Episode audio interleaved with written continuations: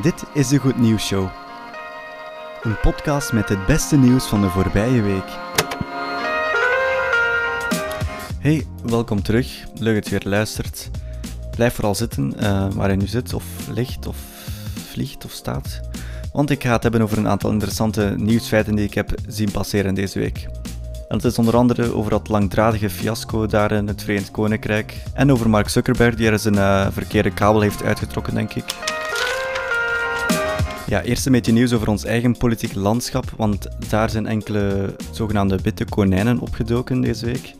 Dat wil zeggen dat uh, naar aanleiding van de, ja, de verkiezingen die er aankomen in mei, dat de politieke partijen op zoek gaan naar bekende gezichten um, om hun lijsten te versterken. En zo is er uh, bij Open VLD Goedele opgedoken, die de Kamerlijst gaat trekken in Vlaams-Brabant voor de Open VLD. Ze is vooral bekend als seksuologe en presentatrice en zal dus in mei uh, de Kamerlijst van de Liberalen in Vlaams-Brabant trekken. Of uh, niet trekken liever, maar vertegenwoordigen. Ze gaat niet lijsttrekker worden, sorry. ze zegt dat ze zich al jaren engageert voor een betere samenleving en dat dit een logische stap is geworden.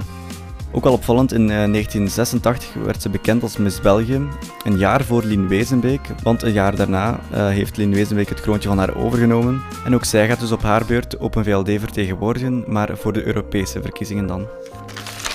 En een klein leuk feitje tussendoor, het wereldwijde web is deze week 30 jaar geworden. In 1989 is het internet uitgevonden in het, in het CERN, het onderzoekscentrum CERN in Genève onder andere door een Belg. Het is ontstaan als een vaag, maar heel opwindend idee, omschrijven ze, en het heeft uh, natuurlijk de wereld veranderd.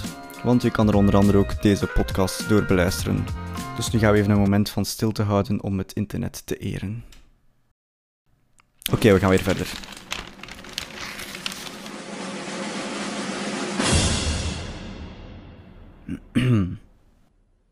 God Save the Queen of eigenlijk beter gezegd de Europese Unie, want uh, ja, het is u een zootje geweest deze week. En het ging er eigenlijk gewoon als volgt aan toe.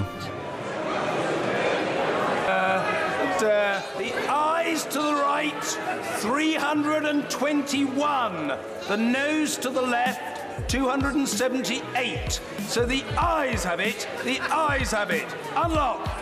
En zo werd deze week beslist dat het Verenigd Koninkrijk niet zonder akkoord uit de Europese Unie zou mogen stappen op 29 maart.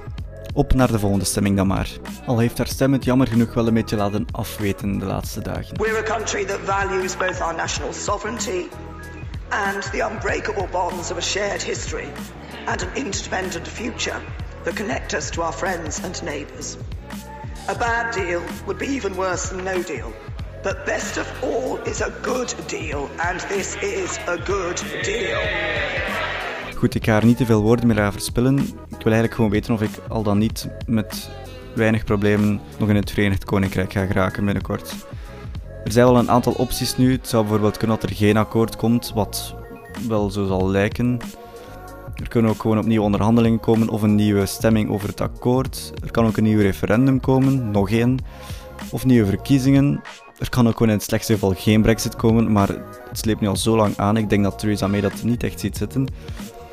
Um, en er kan ook gewoon een nieuwe vertrouwensstemming komen, want um, ja, die is er al geweest eind vorig jaar in december. We zullen het maar opnieuw afwachten dan.